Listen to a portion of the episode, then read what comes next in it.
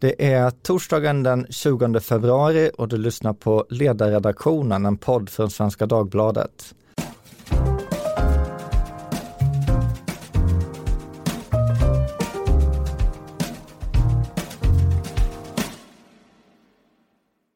Jag heter Karl Sigfrid och idag ska vi ge oss in i EUs budgetprocess. Storbritannien har lämnat unionen och med dem försvinner också det brittiska bidraget till EU-budgeten.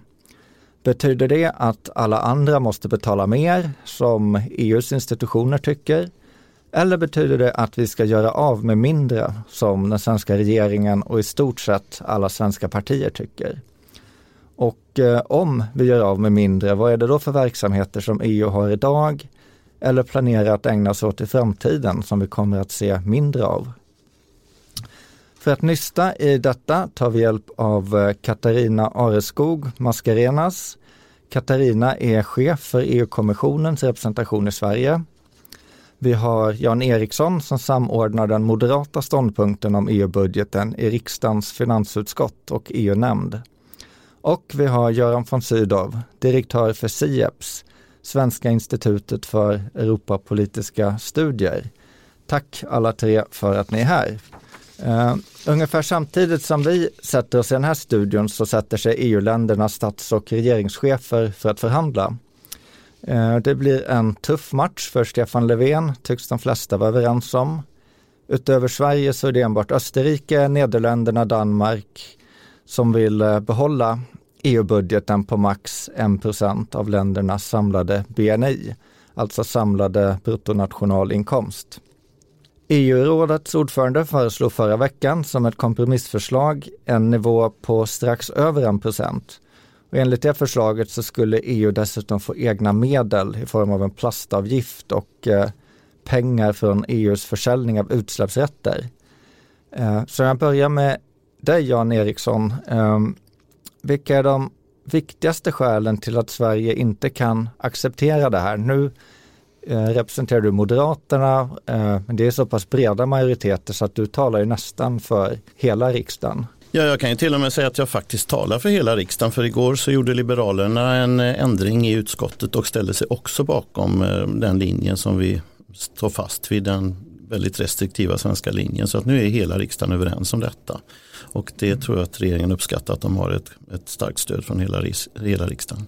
Mm. Så, så vad i sak är det som är eh, Eh, problematiskt? För, för det ni var överens om det var ju då att säga att det här kompromissförslaget var inte bra nog. Det var för mycket pengar.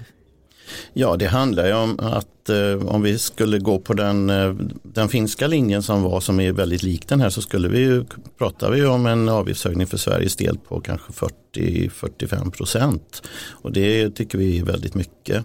Och vi ska ju kunna förklara det här för våra väljare. Vi, vi moderater ser ju stora fördelar med EU och eh, vi är införstådda med att eh, eftersom BNP ökar så ökar också avgiften och det, det är helt okej. Okay.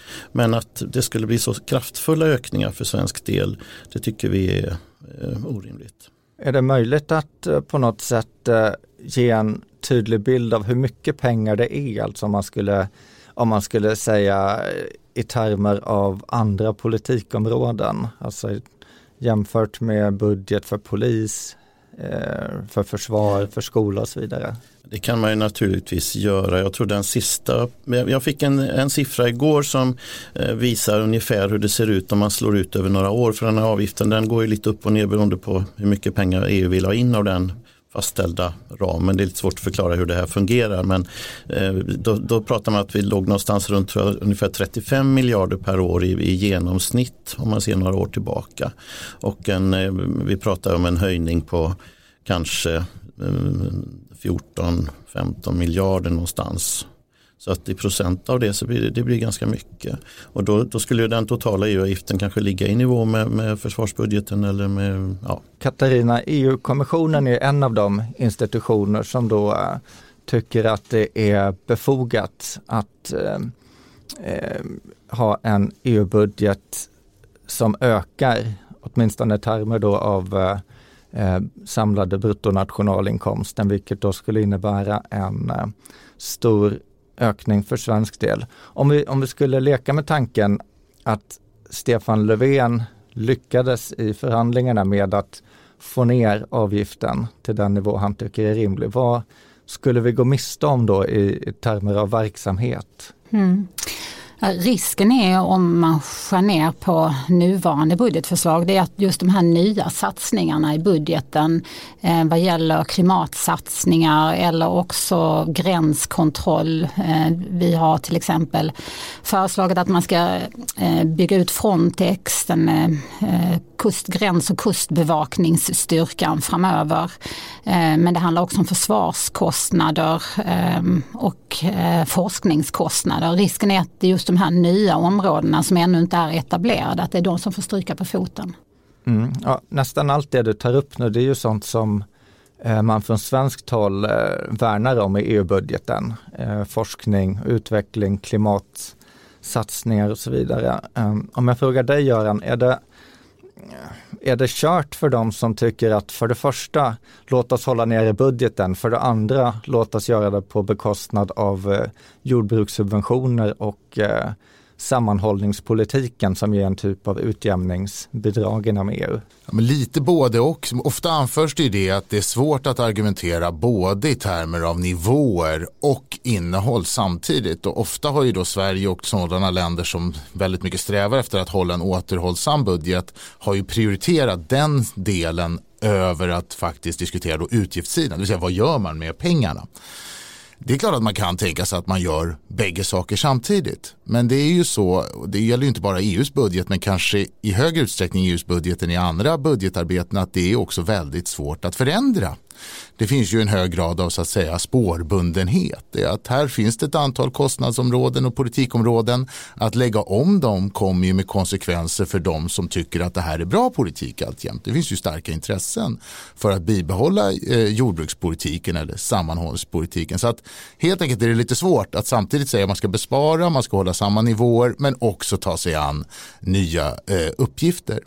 Det som händer nu delvis kan man väl säga i de förslag som nu cirkulerar det är väl ändå att en hel del av de klassiska politikområdena också moderniseras lite, inte minst i ljuset av klimatutmaningar. Att det som är till exempel jordbrukspolitiken får en mycket grönare profil och då ändras ju det politikområdet i någon mån. Det verkar inte kanske helt göra till exempel svenska eh, den svenska reaktionen eh, oändligt mycket mer positiv till att man håller kvar då den här politiken helt enkelt. Ja, är det, är det en onyanserad syn man har att man, man reagerar med ryggmärgen när man har jordbruksstöd och då tänker man på subventioner till franska bönder. Man tänker inte på klimatsatsningar som då många spontant reagerar mycket mer positivt på. Alltså, det är väl också en förändring i sig att man gör, man ser jordbruket som någonting som kan bidra, alltså som dels har effekter på klimat men som också kan bidra genom omställning. Sen skulle jag nog säga att det kanske gradvis finns en lite förändrad syn, ja, men den andra stora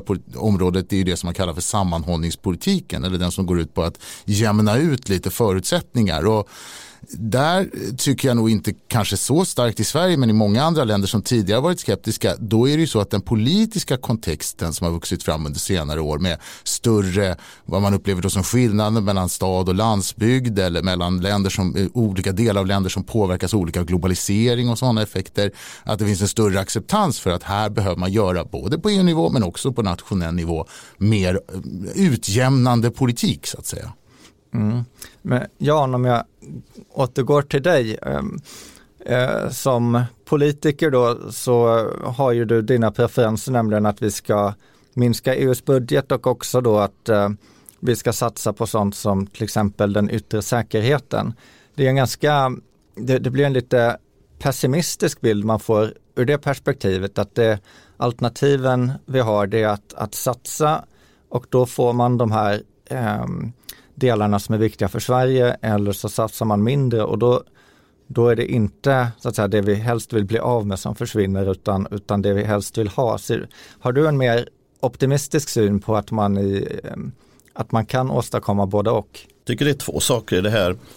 För oss moderater så är det ju samma sak med EUs budget som med den svenska budgeten, att man måste prioritera det som är viktigast.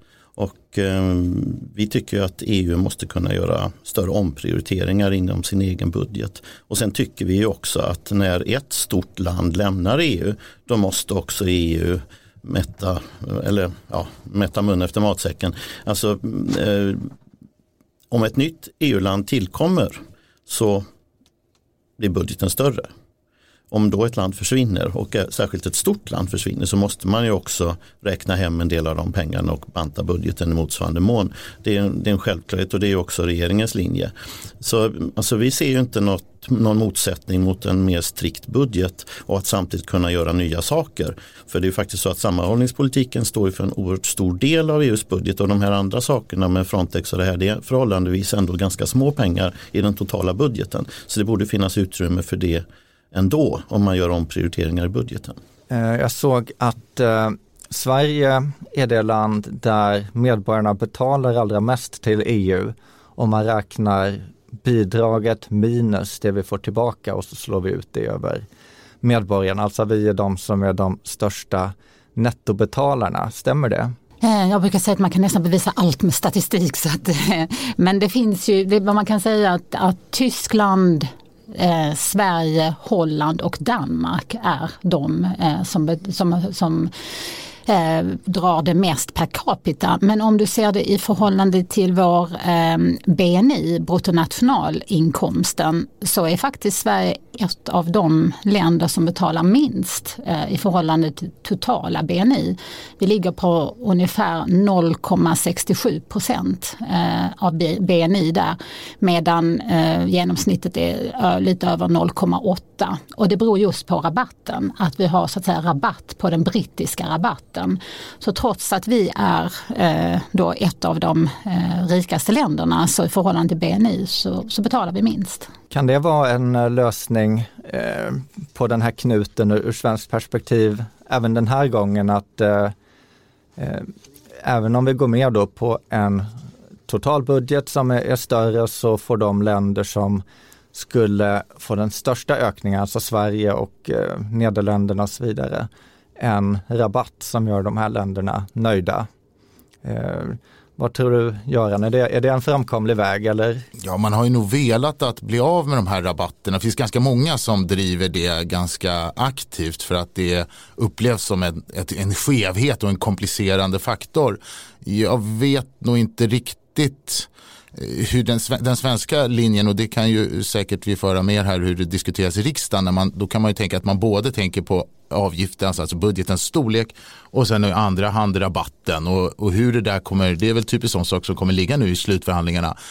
Budet som kom från Charles Michel, Europeiska rådets ordförande, det innehöll väl en typ av utfasning kan man säga av de här rabatterna över tid. Men jag passar gärna vidare till riksdagen. Att... Alltså för oss är ju det viktiga att vi ser vad totalen blir. Och um, om, om total, vi vill hålla nere totalen och det kan man göra på flera olika sätt och det handlar ju både om att hålla nere den totala EU-budgeten, det handlar om att försvara svenska rabatter och det handlar om att se hur de här egna medlen eventuellt kommer in i bilden om de kan göra någon fördel eller inte och så vidare. Så att, men, men det är liksom hel, vad blir helheten, vad blir slutresultatet och det är ju det som regeringen ska förhandla om. Ja, men en svårighet eller varför det här blir väldigt känsligt det är ju just det där att man pratar ibland om det här med netto nettoflöden då, så att säga, att man tittar på det. Det är, ju, det är ju en förhandling som både handlar om utgiftssidan och om avgifterna. Och just det här diskuteras ju ibland att det gör det så himla infekterat för att man ser både vad är avgiften och vad ska man göra av det.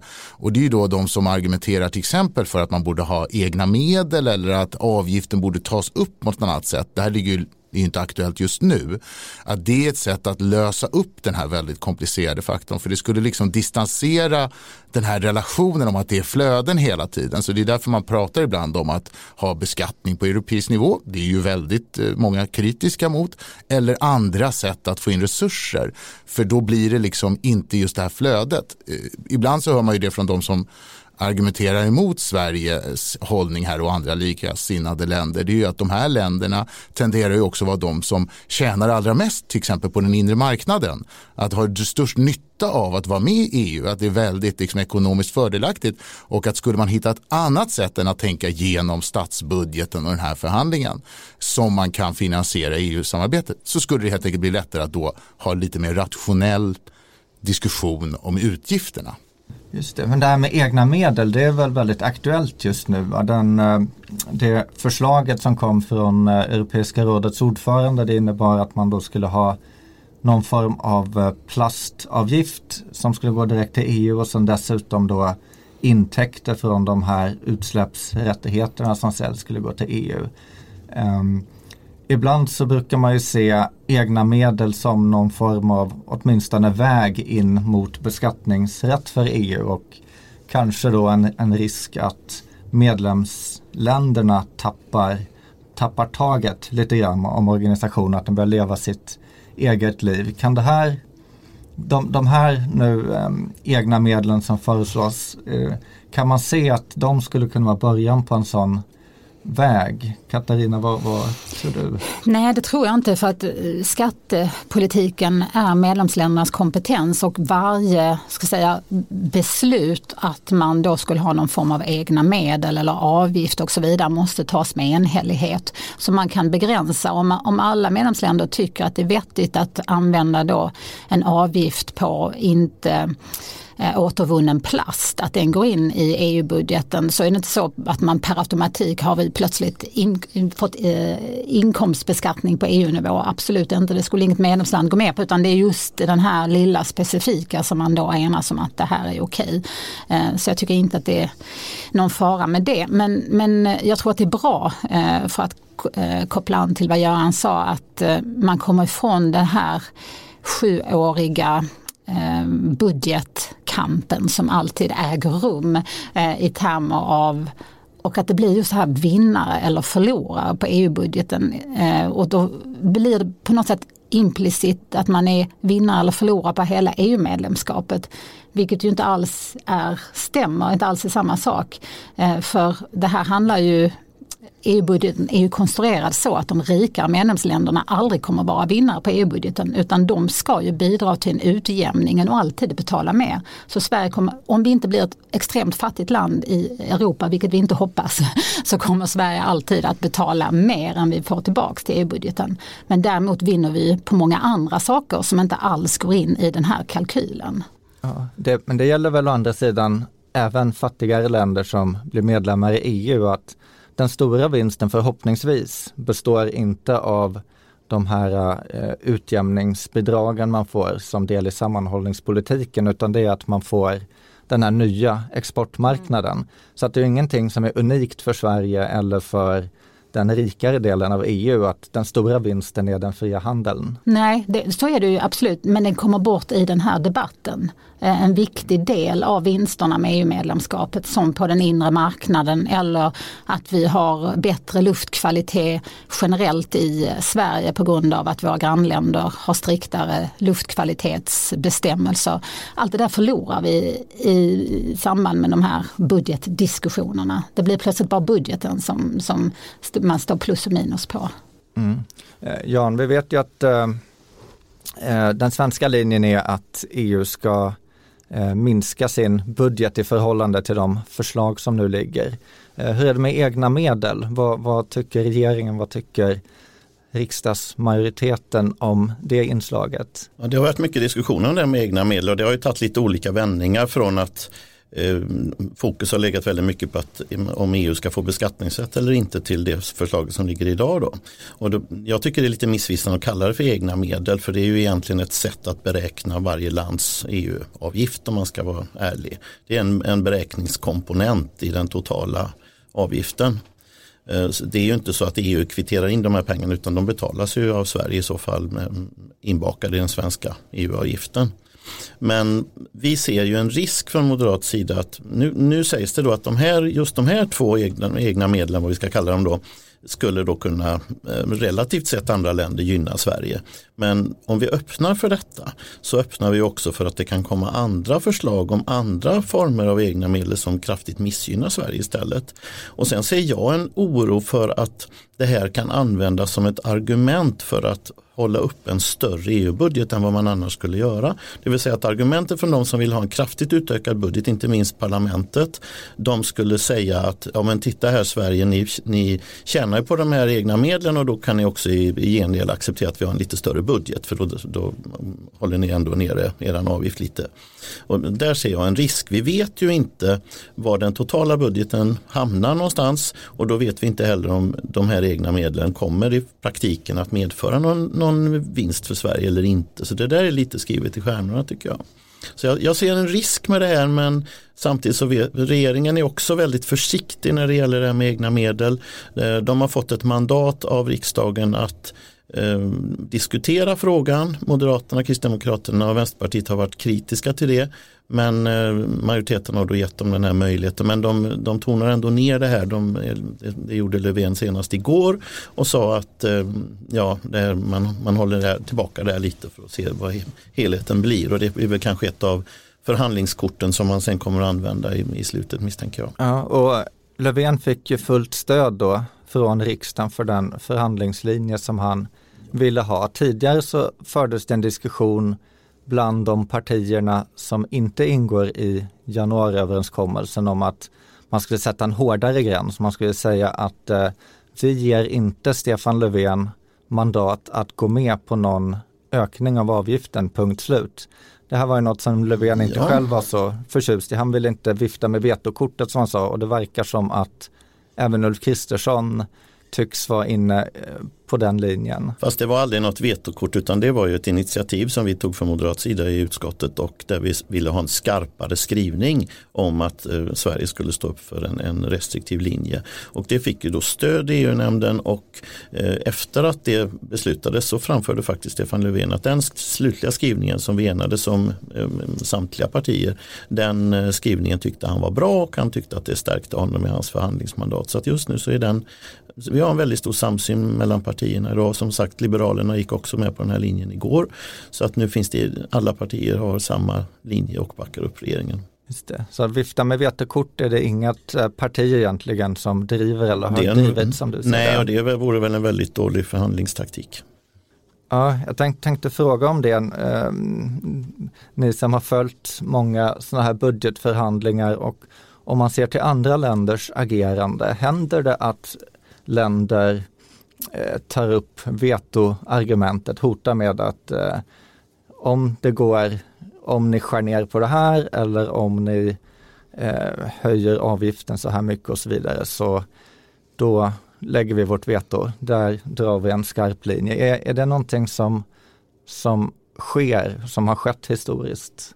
Um, Ja, Göran vill du? Ja, ja nej men absolut. Det, det, är ju värt att påminna sig då om att det här är ju enhällighet som gäller i det här beslutet och det är ju därför det blir så mycket tryck på att alla måste komma överens. Det är ju inte som ordinarie lagstiftning inom EU där man faktiskt bara behöver få då bara och bara men en, en kvalificerad majoritet.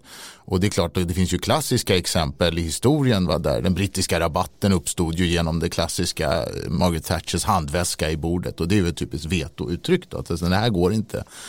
Så det är klart att det är ju en otrolig svårighet i en union med 27 länder med skilt, skilt vilda förutsättningar att hitta. Det är ju därför det är så otroligt snårig. Det har ju varit liksom en förfäktning nu i, i över ett år eller nästan med ett och ett halvt år för att komma bara till det här förhandlingsläget. Och det är ju såklart hela tiden i skuggan av ett veto. Vetskapen om att det är så. Men förhandlingsmässigt är det precis som sades här ett problem om man väldigt tidigt i en process visar var ens vetopunkt eller röda linje är för då kanske man inte blir intressant som en part att bli lyssnad på för att de andra behöver ju få med när man vill ju vara i de centrala beslutsfora där man kan påverka det totala utfallet. Och alla ledarna nu när man väl kommer ut någon gång kommer ju på, på, olika sätt behöva motivera, försvara och stå upp för att den kompromiss man till slut landar i när man nu gör det är tillräckligt bra, acceptabel. Och det är ju någonting som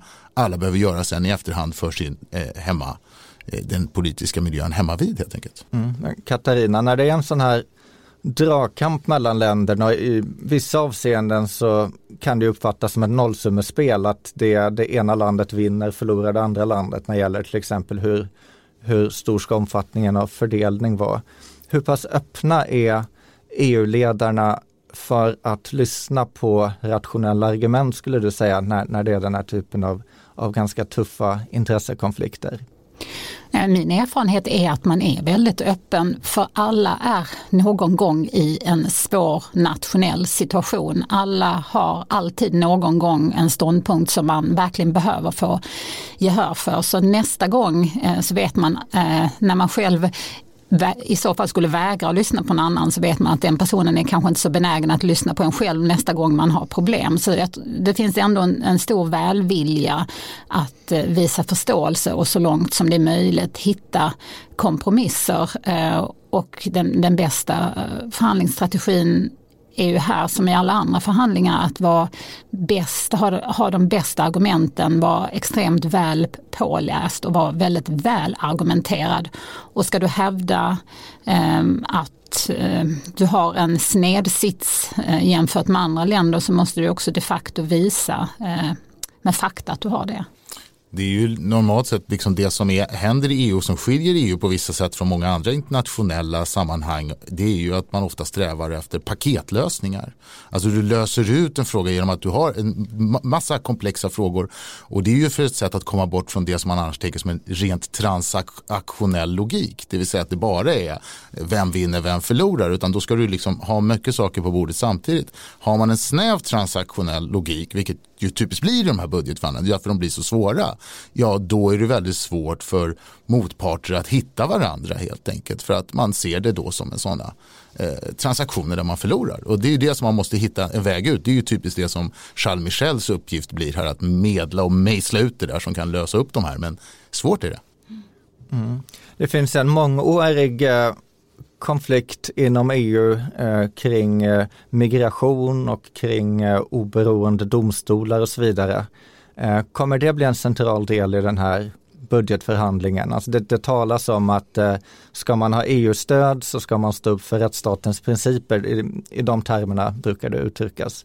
Kom, kommer det bli en eh, ett, en av de stora frågorna här? Ehm, jag tror att det blir en viktig ingrediens för eh, i de tidigare förslagen så, och, och bland annat då från kommissionens förslag så föreslog vi att man skulle kunna eh, innehålla medel till ett medlemsland som inte respekterade då eh, en av de grundläggande rättigheterna om oberoende domstolsväsende. Och det skulle vi göra, det skulle man kunna göra ganska enkelt genom att en, nu blir jag väldigt teknisk, men en kvalificerad majoritet majoritet av medlemsländer, om inte den gick emot kommissionens förslag så skulle man innehålla pengarna. I det senaste förslaget är det tvärtom att kommissionen måste få med sig en kvalificerad majoritet av medlemsländer eh, för att innehålla pengarna. Det är betydligt svårare. Eh, så att jag tror att det här är en, en väsentlig positionsförflyttning som säkert kommer att komma upp på toppmötet och diskuteras. Kommer det att gå igenom också? Ehm, en sån sak. Det, det är ju trots allt enhällighet som, som gäller som vi har konstaterat. Ja, men enhälligheten gäller ju också för de som kräver att det här ska finnas. Alltså de länder som insisterar på att det här ska vara med kan ju säga att vi vill inte acceptera budgetförslaget med annat än att den innehåller någon sån här komponent. Sen är ju frågan hur hårt de kommer driva det. Det har ju varit en väldigt viktig fråga för att de, inte minst sådana länder som både är då betalar mycket till EUs budget men också kanske bryr, bryr sig väldigt mycket om det här med rättsstatens principer upplever ju att det här eroderar tilltron sinsemellan till ett system. Varför ska vi betala in om det ändå försvinner i, i både då bristande rättsstatlighet eller i korruption och så vidare. Å andra sidan är ju svårigheten här att utforma en mekanism som har en sån precision så att det är på mottagarsidan, den som berörda parten inte upplever som att det finns ett godtycke involverat här. Det är ju det som är eh, risken. Hur ska man få den väldigt precis så att man både fastslår att ja, här finns det en stor allvarlig risk för rättsstatens, rättsstatens principer. Hur definierar man det? Hur, hur gör man det? Och sen, det här är en proportionerligt åtgärd att dra in det här stödet. För att den andra sidan är ju att om regimer förändras på ett sådant sätt som man inte tycker att de längre lever upp till unionens värderingar. Att dra in stöd, ja det påverkar ju i huvudsak de medborgare som bor i de länder som kanske skulle dra nytta av de här stödet. Och det är ju en risk involverat i det här att man då istället spär på kanske en kritik mot EU eller det drabbar helt enkelt inte den som det är avsett att drabba. Så det är ganska svårt också men eh, man förstår ju verkligen varför det kommer om man så säger kraven på det här. Ja, nej, det här är någonting som finns uh en enighet om i riksdagen. Alltså det är ju eh, eh, till exempel när det gäller migrationsfrågan så säger Stefan Löfven att eh, länder ska vara beredda att ta sin del av flyktingansvaret så som han ser den eh, för att få det här stödet. Ehm, är det något som eh, det finns ett brett stöd kring? Det är en fråga lite då om i vilken mån EU ska så att säga, vara involverad i flyktingmottagandet och den typen av policy kan vi säga så här, det finns ett ganska starkt stöd för det önskemålet. Men jag är inte säker på att det är någon som tycker att det är, speciellt, att tror att det är speciellt realistiskt att man kommer att hamna där. Särskilt när man hör tongången i EU-parlamentet så känns det inte som att det är, att det är någon så här jätteframkomlig väg. Däremot det här med rättsstatens principer, de här bitarna, de, de värderar vi ju väldigt högt. Och de finns ju också med i regeringens förhandling. Så, så det, är, det är många bitar i det här, helt klart. Då tror jag vi har kommit till den punkten att eh, om det är någon som känner att här är någonting som behöver sägas, men som jag inte har gett eh, utrymme till riktigt. Du har inte frågat hur vi tror att det kommer att gå. Det är väldigt väsentligt. Ja, precis. Hur kommer det att gå? Kommer Stefan Löfven att lyckas? Jag, jag har tolkat stämningarna här som att de är inte jätte, kanske optimistiska till att han lyckas om det så att säga är den inställningen man har. Att man, att man vill det. Um. Nej, men jag tänker så här, alltså det är inte bara det är inte bara Sverige, Nederländerna, Danmark och Österrike utan vi har också nu väldigt stor samsyn med Tyskland och Tyskland är ändå en ganska stor aktör i det här. Och eh, de här fem länderna tillsammans betalar ganska mycket pengar till EUs budget så att vi är en ganska stor, stor maktfaktor i diskussionen såklart om man, man talar med samma röst. Så att jag håller nog ändå ett, en, viss, har ändå en viss förhoppning att det här ska landa så småningom. Men jag tror inte att det gör det den här helgen om man ska vara ärlig. Katarina, vad tror du, landar man närmare EU-kommissionens eh, ståndpunkt eller den svenska ståndpunkten eller någonstans där mittemellan? Jag tror man landar någonstans eh, mittemellan. Den eh, finns, både finska och Charles Michel ligger ju, ligger ju mittemellan ungefär på 1,07 så man lite grann upp eller ner och sen så tror jag att alla blir vinnare. Det är ju det som är det fina med EU-samarbetet att det är enhällighet och alla måste kunna, alla har chansen att säga nej om man inte får ut eh, tillräckligt mycket så att eh, utmaningen är ju för Charles Michel att finna liksom, vad är de känsligaste frågorna. Det behöver inte alltid eh, vara kvantifierbara sådana utan det kan vara nationellt eh, eh, viktiga eh, frågor där man får, eh, där man blir vinnare. Och så att alla medlemsländer på något område att ser att här har jag vunnit så jag kan köpa kompromissen. Eh, alla ska sen kunna komma hem och förklara varför man gick med. Och i slutändan så blir det ju resultatet eftersom det är enhällighet. Men jag tror inte heller att det sker denna helgen.